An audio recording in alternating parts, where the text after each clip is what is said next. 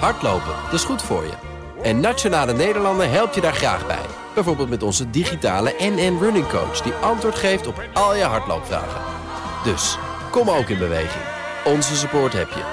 Kijk op nn.nl slash hardlopen.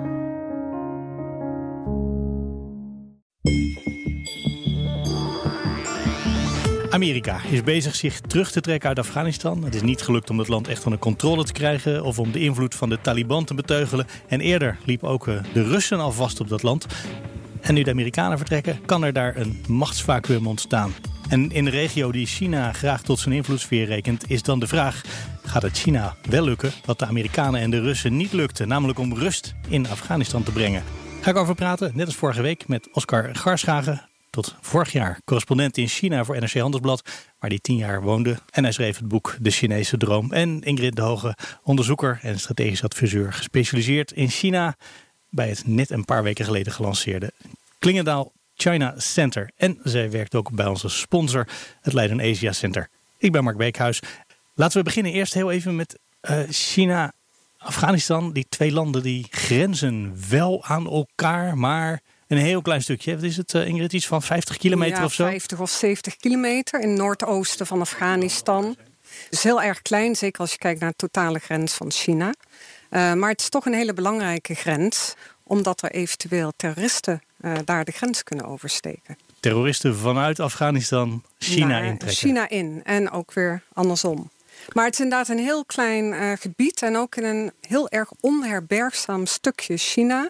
Ik was in die regio in 1986. Ik stak daar toen de grens met Pakistan over, iets zuidelijker. Um, maar heb toen wel uh, het gebied kunnen zien.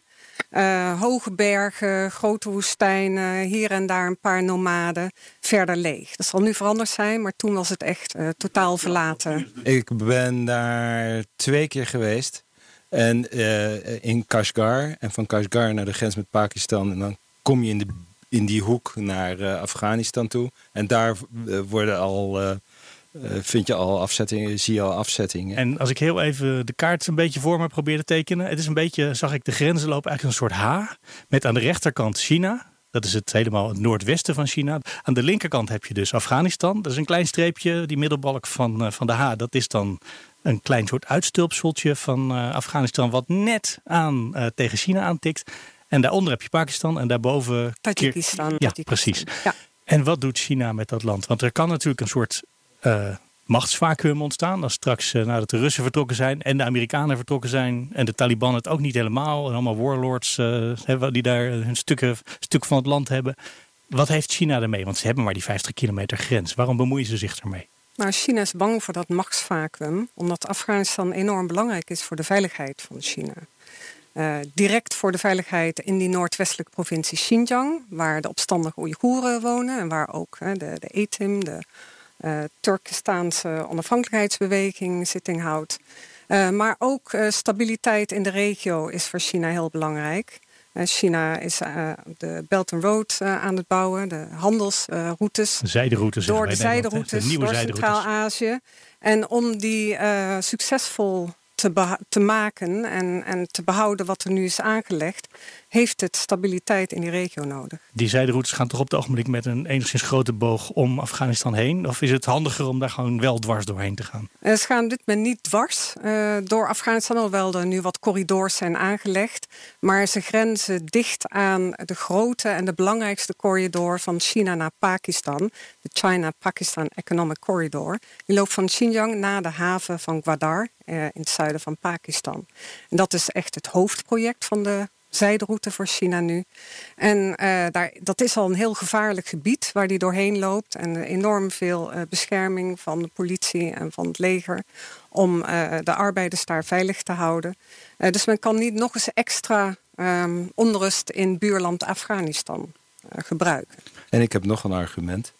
ik heb genoteerd koper, ijzer, gas, olie, lithium, thorium. thorium. Allemaal spullen in de grond. Voor uh, uh, minstens uh, een biljoen onontgonnen grondstoffen. Lithium en thorium. thorium voor de toekomstige kerncentrales. Lithium voor de, voor de elektrische auto's. Buitengewoon belangrijk. Dat is natuurlijk wat China altijd al In de jaren dikker was altijd, als het over Afghanistan ging, ging het meestal daarover. Niet over de, dreigend terrorisme. Nee, nee, nee, nee. nee als aanvulling. Als aanvulling daarover. Als een, als een raison d'être van waarom ze daar naartoe zouden willen. Waarom ze destijds uh, de, de uh, Aynak uh, mijnen kochten. die kopermijnen kochten. dit is een, een, een nieuw windgewest.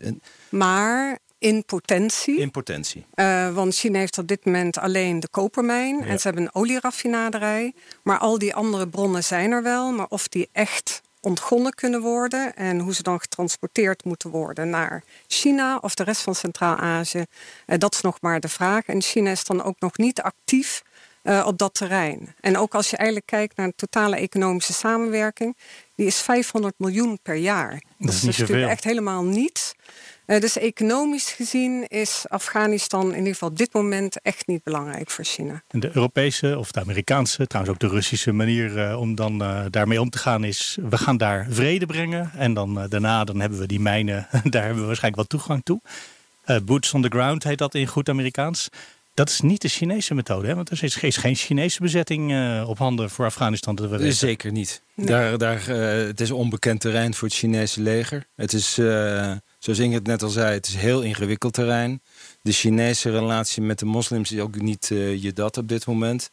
Uh, er, er, zijn uh, gesprekken aan de gang, althans volgens de Financial Times, tussen China en de, de, Taliban. En China probeert Taliban en de Afghaanse regering dichter bij, de, bij elkaar te brengen. Het is allemaal heel erg aftastend, voorzichtig, kampjes aan. En nou ja, goed, eh, China heeft daar wel de, eh, wel de tijd voor. En als er een kans gaat ontstaan, dan is dat in de komende jaren als de Amerikanen en uiteindelijk ook de Europeanen verdwijnen. Ja, want China is hier zeker niet uh, welwillend ingesproken. Ze zijn eigenlijk gedwongen. Ze moeten wat met Afghanistan, die andere landen zich terugtrekken.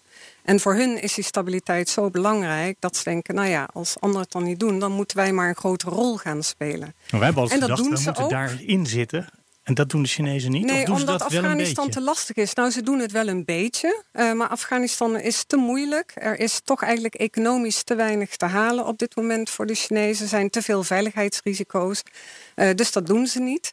Uh, maar ze zijn wel enorm actief op het front zeg maar, van het vredesproces. Dus ze zitten met heel veel verschillende partijen, ook met Amerikanen om tafel om uh, te kijken of ze dat vredesproces vooruit kunnen brengen. En de sleutel daarbij is inderdaad de Taliban.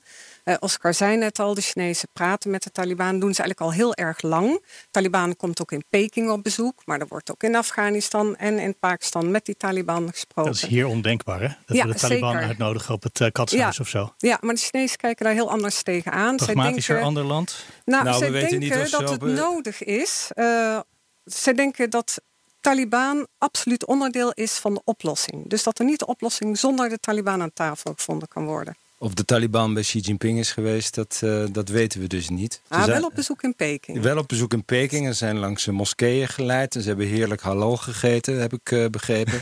maar of ze in de grote hal van het volk zijn ontvangen...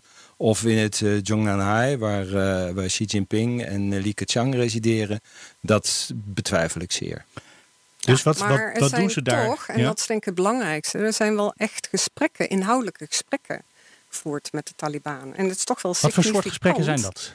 Uh, nou ja, kijk, de Taliban, men moet natuurlijk uh, met elkaar in gesprek om te kijken hoe men dat proces verder kan brengen. De Taliban hoopt dat Peking uh, ervan overtuigd kan worden dat in Afghanistan op dit moment eigenlijk een bezettings, bezettingsmacht is en dat het volk wordt onderdrukt.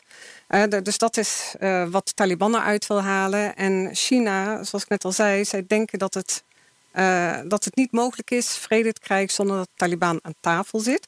Bovendien, de Taliban heeft gezegd dat zij de strijd voeren met ISIS en met Al-Qaeda en andere terroristische groeperingen in de regio. En dat is nu precies wat China wil.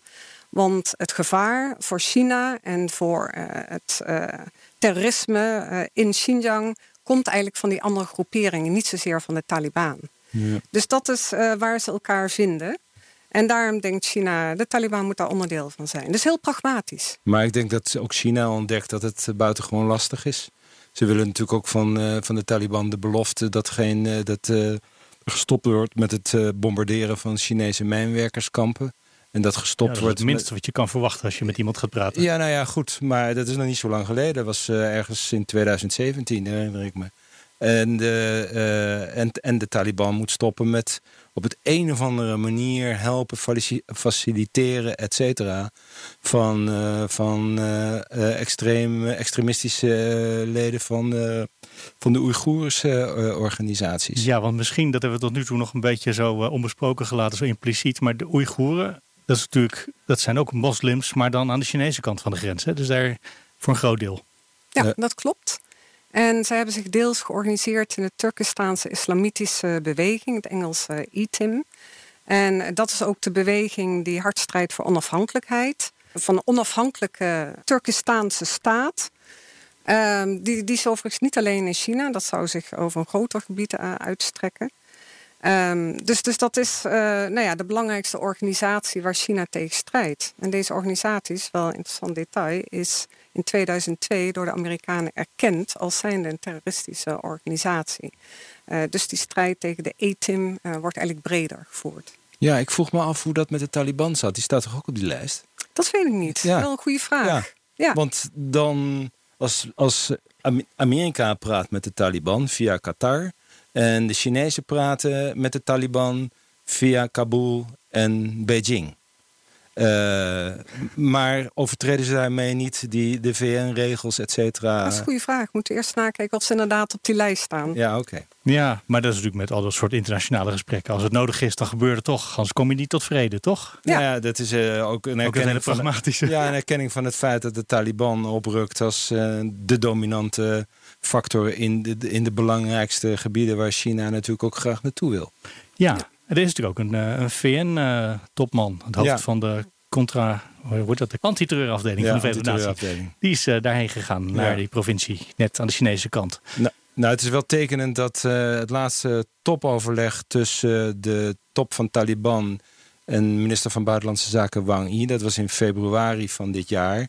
En sindsdien is het vrij stil gebleven. En ook dit, deze... Vrij stil op de grond? Of, uh, dat nee, gewoon in, het, in, de, in, de, in de diplomatieke manoeuvres. Er zijn geen nieuwe... Uh, net onlangs is de, is zijn de, de, alle landen van de uh, Shanghaise Cooperation Organization bij elkaar komen. Een soort samenwerkingsverband van Rusland, Centraal-Azië en China.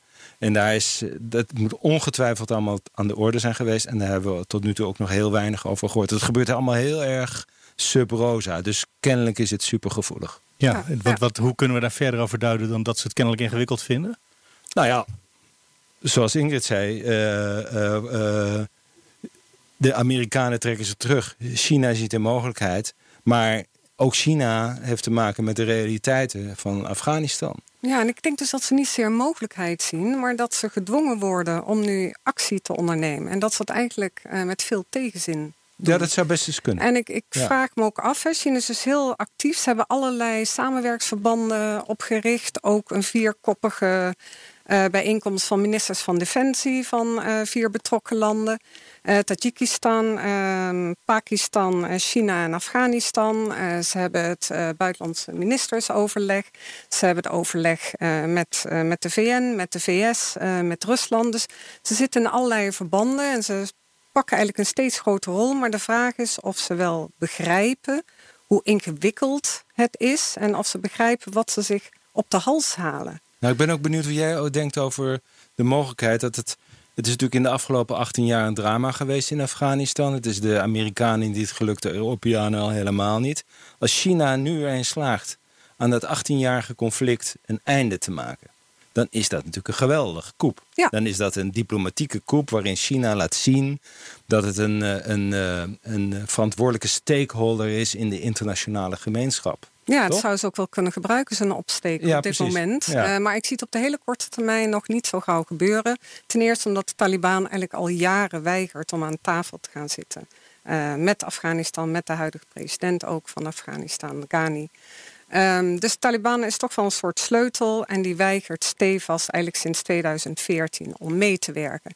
En soms uh, zijn er geruchten dat het dan eindelijk gaat gebeuren maar als het puntje bij paaltje komt, gaat het toch weer niet door. dus ook, er zijn ook eerder stiltes geweest. Hè, dat er een heleboel actie was en dan gebeurde weer eens een tijdje niks. Ja, het verhaal is ook dat China hier bij Pakistan inschakelt. Hè. De, de relaties Pakistan-China zijn zeer hecht. De corridor waar Ingrid over sprak miljarden gaan naar, uh, naar uh, Chinese miljarden gaan naar, uh, naar Pakistan. Het is zeer wel mogelijk. En Pakistan heeft een goede relatie met Taliban. Taliban kan vrij rondreizen en zijn in, in Pakistan. Dat, dat, de, dat de Chinezen hopen dat, dat Pakistan een rol kan spelen in dit schaakspel. Ja, en misschien moet Europa ook wel een rol gaan spelen. Bij de laatste uh, topbijeenkomst tussen de Europese Unie en China is afgesproken, staat ook in Joint Communiqué, gezamenlijke verklaring, uh, dat Europa en China gaan samenwerken ten aanzien van Afghanistan. Uh, en dat zal waarschijnlijk gaan om wat eenvoudige projecten. maar misschien moeten wij hier een veel grotere rol gaan spelen. Waarom? Omdat ik denk dat voor de hele wereld belangrijk is dat Afghanistan eindelijk is uh, stabiel en wordt en vrede kent. Ja, het humanitair opzicht is dat natuurlijk allemaal. Maar wat is ons strategische Ten tweede, belang? Nou, strategische belang is dat je toch niet wil. Hè. Het is ook een heel strategisch gebied uh, in Centraal-Azië. Dus je zou eigenlijk toch niet willen dat China daar dominant wordt in die regio. Ziet China dat eigenlijk als iets, het is door een, eh, een koude oorlogterm, maar als hun invloedssfeer?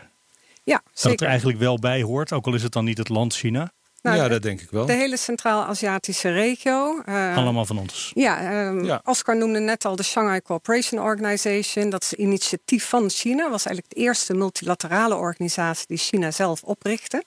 Uh, die breidt zich steeds verder uit in Centraal-Azië. Was in het begin heel gevoelig, want het was natuurlijk traditioneel Ruslands achtertuin. Maar ja, het is ook China's achtertuin en eigenlijk is China nu daar al de dominante factor. Afghanistan is overigens nog steeds geen lid van deze organisatie, is alleen zeg maar toehoorder daarbij. Uh, maar dat geeft aan dat voor, China is het achtertuin en zij beschouwen dit nu al als een invloedssfeer.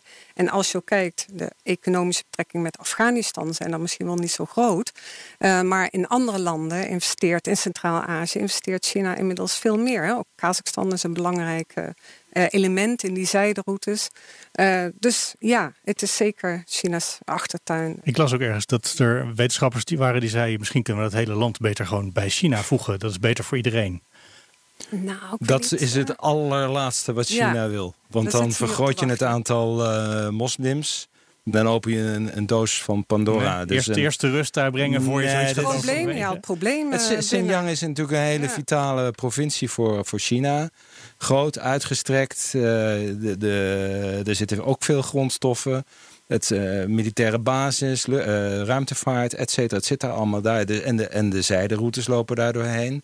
Dus dat, dat zie ik niet snel gebeuren. Dat is een, ja, en die zijderoutes zijn natuurlijk een instrument om om de invloed van China uh, te vergroten en die, die, die invloedssfeer te bevestigen met hele concrete maatregelen. En tot nu toe blijft het bij de bouw van, uh, wat is het, een paar treinen, het, uh, het financieren van ziekenhuizen in, in Kabul.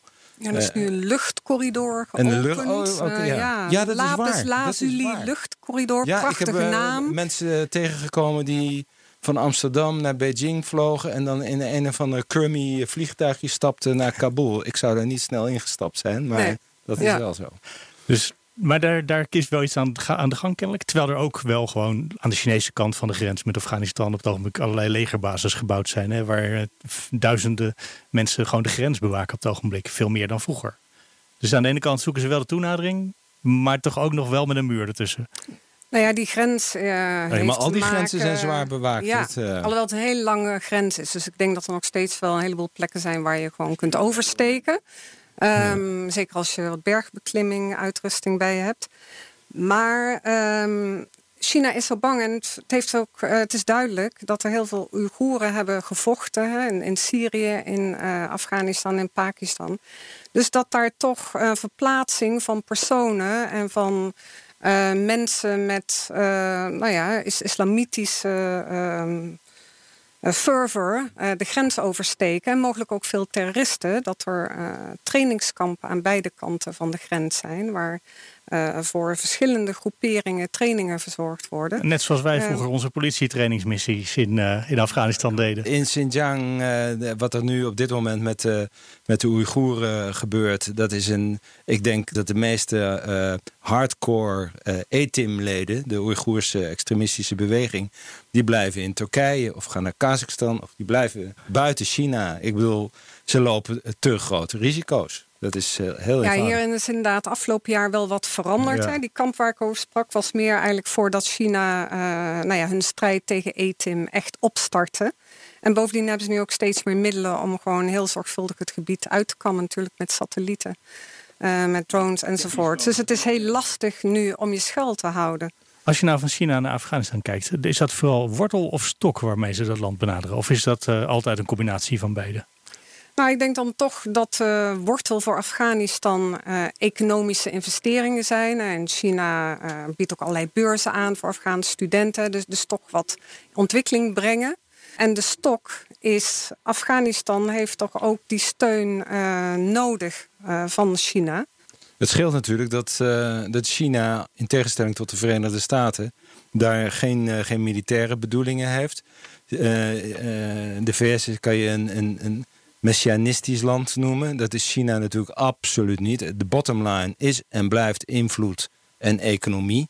Uh, en zal niet snel uh, daar soldaten gaan plaatsen. Of zal, zal, zal Afghanistan dwingen de, de uh, westerse waarden, Chinese waarden over te nemen. Of Chinese politieke systeem over te nemen.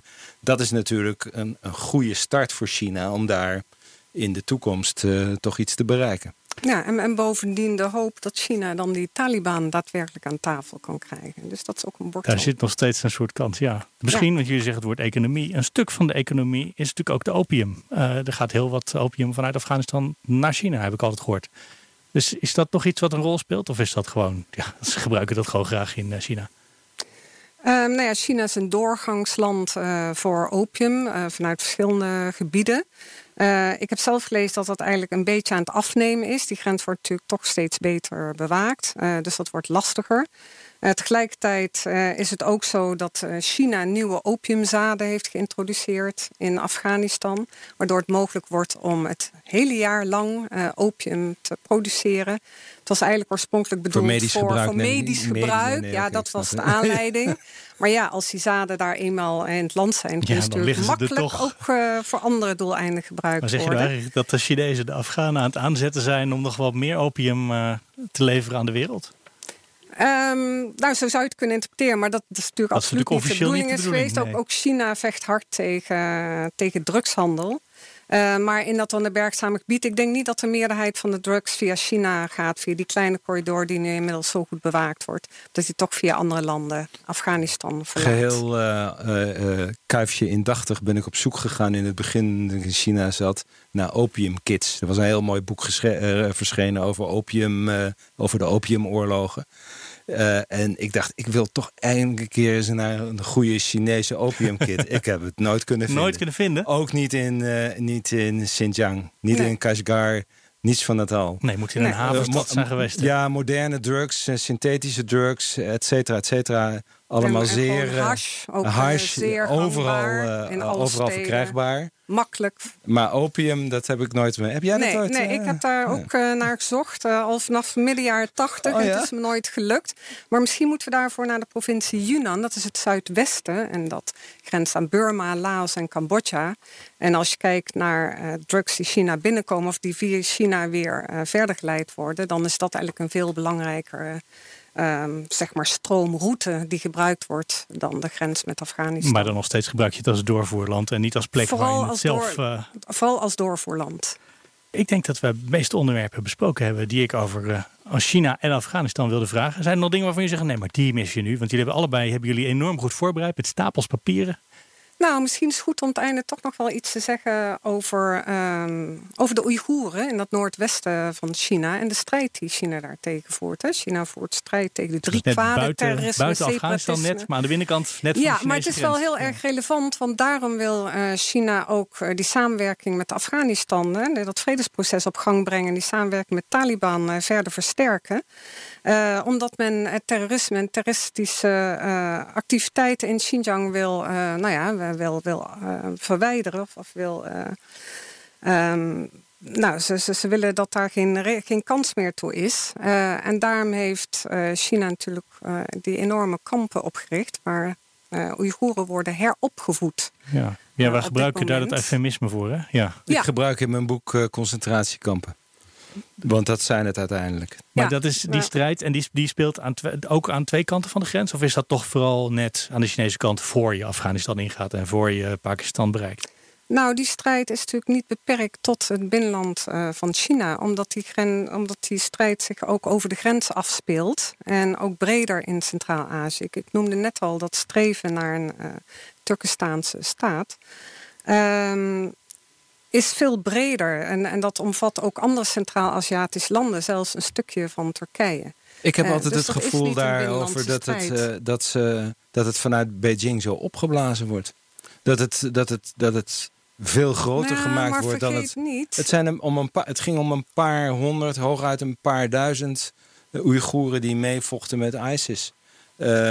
Getraind in, al dan niet in Taliban-kampen, maar echt harde bewijzen over de omvang en dat dat echt grootschalig was.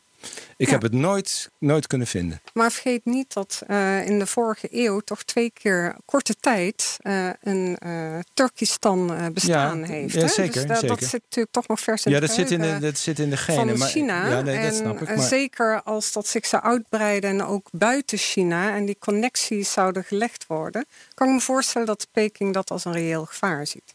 Nee, In uiteraard. ieder geval zie je- voor onrust. Hè? niet dat die staat maar het is, het is in, in, in China zelf altijd een vorm van eh, low-level terrorism geweest. Hè? Het, eh, het zwaarste wapen was een keer een benzinebom op het, eh, op het plein van de Hemelse Vrede in een auto die tegen. En er waren wat, wat messen, et cetera. Nou, het was al. ja, dat is 2014 zijn 29 mensen ja, met, met een mes messen. gedood. Ja, nee, hè, ik bagatelliseer het niet, maar je kan het ook andersom draaien. Je kan ook zeggen. Eh, op, het schaal, op de schaal van terrorisme in andere delen van de wereld valt het wel Ja. mee. Natuurlijk, ja. Maar ik denk dat China ook dacht, nou ja, Tibet hebben we onder controle. Eh, laten we nu onze aandacht naar het volgende gebied. Ja, de grote eh, baas die Tibet heeft eh, onder controle gebracht, is daarna overgeplaatst in Xinjiang. En Zelfde persoon. Zelfde persoon. En die heeft dit allemaal, eh, voert dit allemaal uit op het ogenblik. Er zijn ook veel parallellen Ja. tussen eh, de campagne die China in Tibet en in Xinjiang voert. Maar dat is misschien voor een andere Ik wou uitzending. zeggen, dat klinkt als een hele nieuwe aflevering. Want dat is ook nog wel weer een half uur waard. Als we het daar zo over gaan hebben. Dan denk ik dat we aan het eind komen nu van de podcast. Dan vraag ik dezelfde vraag als aan het begin. Lukt het, om, lukt het China om, eh, wat de Amerikanen en Russen niet lukte, om de rust in Afghanistan eh, terug te brengen of te bewaren? Kun je daar in één zin een antwoord op geven? Gaat daar China iets in Afghanistan bereiken? Misschien dat men iets kan bereiken omdat China veel pragmatischer is en niet eh, democratie wil brengen in eh, Afghanistan, maar doodgewoon stabiliteit, dat wil zeggen afwezigheid van geweld. Oscar? Eh, als, het, als China het ook niet lukt, dan zal niemand het ooit lukken. Dankjewel. We komen aan het einde van de China-podcast. Dank aan mijn gasten. Als laatste hoorde je Oscar Garschagen, oud-correspondent voor NRC. En Ingrid de Hoge, onderzoeker aan Klingendaal. En ook werkzaam bij het Leiden Asia Center. De China-podcast wordt mogelijk gemaakt door onze sponsor, dat Leiden Asia Center. Alle afleveringen kan je terugvinden via bnr.nl slash podcast. In de BNR-app of op Spotify en iTunes. Welke app je ook maar gebruikt. Wil je reageren? E-mail podcast.bnr.nl. En dan zijn we er over twee weken weer.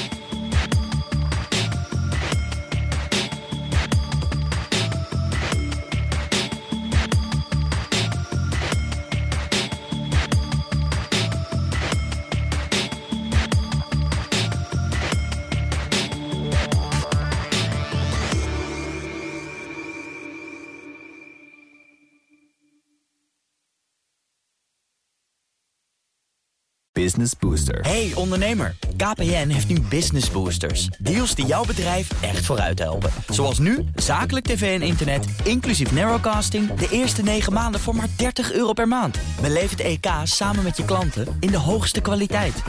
Kijk op kpn.com slash businessbooster. Business Booster.